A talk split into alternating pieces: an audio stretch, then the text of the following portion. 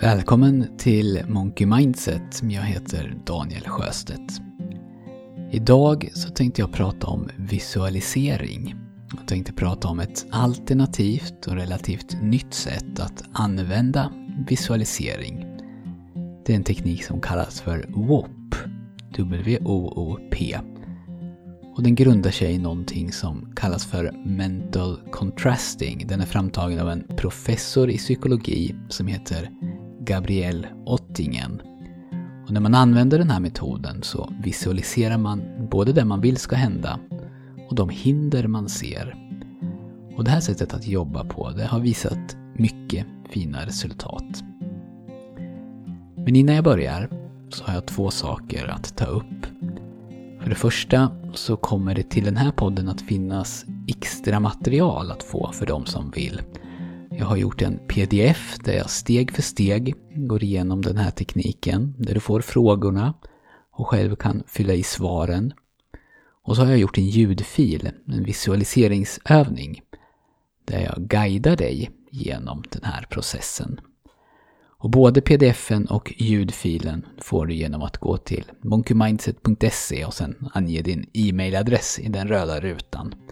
Då skickar jag det materialet till dig och det kostar förstås ingenting. Det andra det är att jag vill påminna om mina coachprogram. Mer info om dem finns också på hemsidan. Det är några som har hört av sig och frågat olika saker och om du har frågor eller bara vill veta lite mer Kanske undrar du om det som jag erbjuder passar dina behov? Så tar jag gärna ett Skype-samtal med dig. Du kan då mejla mig på daniel.monkeymindset.se så bestämmer vi en tid. De här samtalen de är ju självklart helt förutsättningslösa och vi bokar in ungefär en halvtimme så får vi se hur lång tid det tar.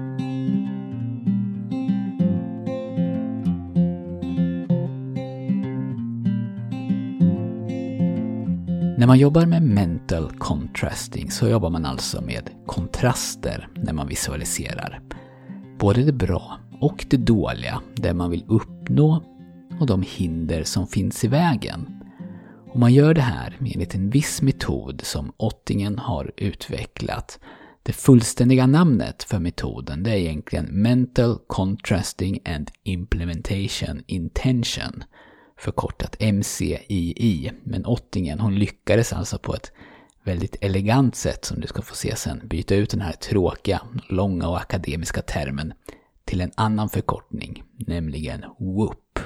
Och det är WOOP som har fått fäste.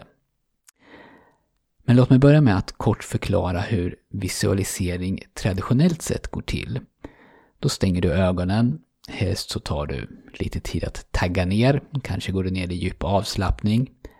Och så ser du för ditt inre hur du utför en handling till exempel, en perfekt golfsving. Och ju verkligare du kan se det här, ända till den graden att du nästan upplever det med känslor, lukter, smaker, ljudet när klubbhuvudet träffar bollen helt perfekt och så vidare desto mer effektivt kan det vara. För du skapar, kan man säga, minnen av att lyckas slå upp bollen på green. Och ju fler gånger som du har gjort någonting, ju fler gånger du har slagit det här perfekta golfslaget, desto mer erfarenhet har du ju då och desto mer, så, desto mer sitter det här slaget.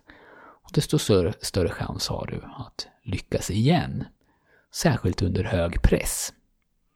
Och ungefär samma princip gäller för hur man vanligtvis ser på lite större mål. Man skapar då i sitt inre en bild av sig själv när man har uppnått målet. Och man gör den här bilden så levande som möjligt. Och ju mer man visualiserar, desto starkare blir bilden och desto mer blir den en del av dig. Eller du blir den. Konsensus har varit att du visualiserar det du vill ska hända. Eller hur du hanterar en viss situation så att allt går precis som det ska.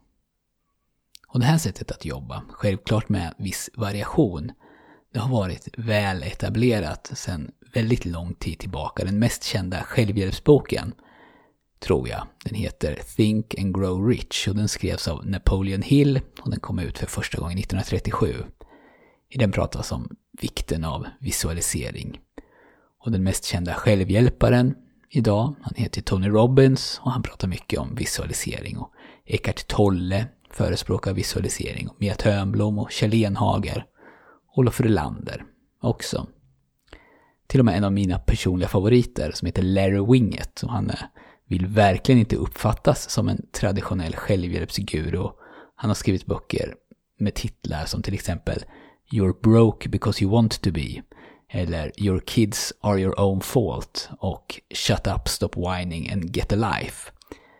Till och med han pratar om kraften i visualisering. Och jag också då, såklart.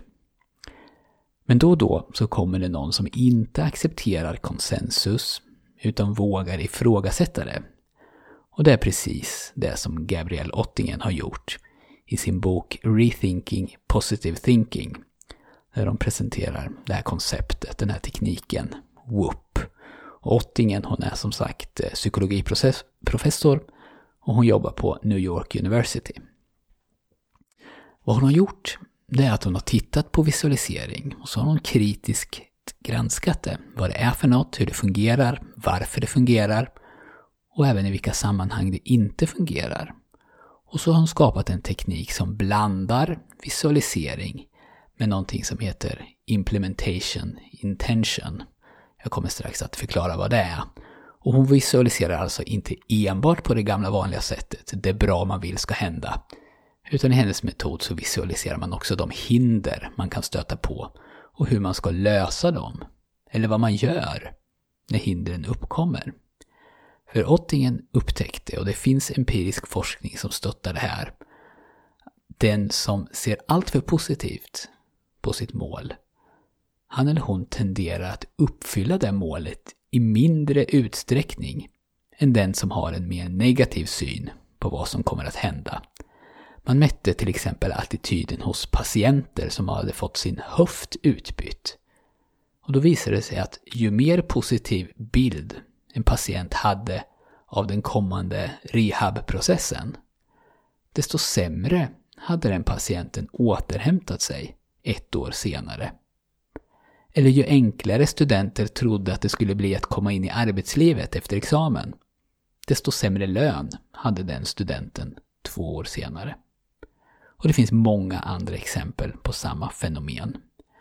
Och det här beror på flera saker. Till exempel så kan de här positiva fantasierna där man ser situationen och upplever att allt går bra skapa känslan av att redan ha gjort, uppnått målet. Alltså man får den känslomässiga belöningen i förskott. Så i någon mån behöver man då inte göra det jobbiga arbetet för att nå dit. Man är fast i sina fantasier helt enkelt och motivationen kan då minska. Vilket ju är tvärt syftet med visualisering. Det beror också på, tror jag, att den som visualiserar enligt Eh, the Secret-modellen, där man eh, i någon mån hoppas på att visualisering är magiskt och bara jag skickar ut min intention tillräckligt starkt och tror på den tillräckligt mycket så kommer universums vibrationer att ta mig dit jag vill. De här personerna de tappar nog också lätt sugen när det visar sig att det krävs hårt jobb också. För i filmen The Secret till exempel så tar de ju upp, om jag inte missminner mig, en som ville bli rik, visualiserade att hon var rik och veckan efter så hittade hon, eller om det var en han, en check i brevlådan. Men även om Gabriel Ottingen alltså kommit med en helt ny metod för visualisering, ett nytt sätt att se på det här, så är det inte riktigt så otroligt revolutionerande som vissa tror, för ingen av dem som jag nämnde förut, som tror på visualisering, alltså Rylander, eller Tony Robbins, Napoleon Hill och de andra, de hävdar att enbart visualisering är lösningen på allt, för det behöver ju självklart kompletteras med handling. Eller kanske är det snarare så att handlingen kompletteras med visualisering. Men hur som helst, Ottingen hon skapade en metod som kunde använda kraften som finns i att visualisera utan att man faller i de här fällorna som jag pratade om nyss. Och nu kommer jag då till själva metoden. Den är väldigt enkel och den följer fyra steg. Det första steget handlar om att man bestämmer ett mål, en önskan, som man vill uppnå inom en viss tid. Till exempel ett mål som är utmanande, men samtidigt någorlunda realistiskt. Eller så kan det vara någonting som man bara vill få gjort varje dag. Och för att göra det här så konkret som möjligt så ska man försöka att jobba med det här målet tillräckligt mycket så att man kan uttrycka det i så få ord som möjligt. Så att det blir så konkret som möjligt. Och när man har den här beskrivningen, den korta beskriv beskrivningen och en tidsram, om det är relevant, så funderar man på en speciell fördel med att uppnå det här målet. Vad är det bästa med att uppnå målet? Om man gör det så specifikt man kan, på samma sätt som förut, att man jobbar med det tills man kan få ner det i så få ord som möjligt. Och sen visualiserar man det, och det är steg två. Och nu har man egentligen gjort det som kan sägas vara traditionell visualisering. Man har satt ett mål och så visualiserar man fördelarna. Eller man visualiserar sig själv när man har uppnått målet. Men i mental contrasting, eller whoop, så ser man också på hinder. Hinder inom sig själv som man själv kan påverka. Så i steg tre så ska du identifiera det största hindret inom dig själv som står i vägen för att du ska kunna uppnå ditt mål. Du ska identifiera det här hindret och återigen då försöka beskriva det med så få ord som möjligt. Och så visualiserar du hindret. Du visualiserar alltså när någonting går fel. Och i steg fyra sedan så använder du någonting som kallas för implementation intention. Och jag har pratat om det här i podd nummer 15 som handlar om prokrastinering. Och implementation intention går i korthet ut på att om du bara i förväg spesar, helst med papper och penna, när du ska göra någonting, vad du ska göra och hur du ska göra det, så exakt du kan, så ökar möjligheterna drastiskt att du verkligen får det gjort. Och det finns massor av forskning på implementation intention också. Så i mental contrasting då, eller whoop, så tar du alltså hindret som du identifierade i steg 3. Och sedan kör du då implementation intention på det hindret. Så du säger att om det här händer så kommer jag att. Och så beskriver du hur du ska agera för att det här hindret inte ska kunna stoppa dig. Och så visualiserar du hur du överkommer hindret på det sättet som du har bestämt. Det här var en kort beskrivning av Whoop.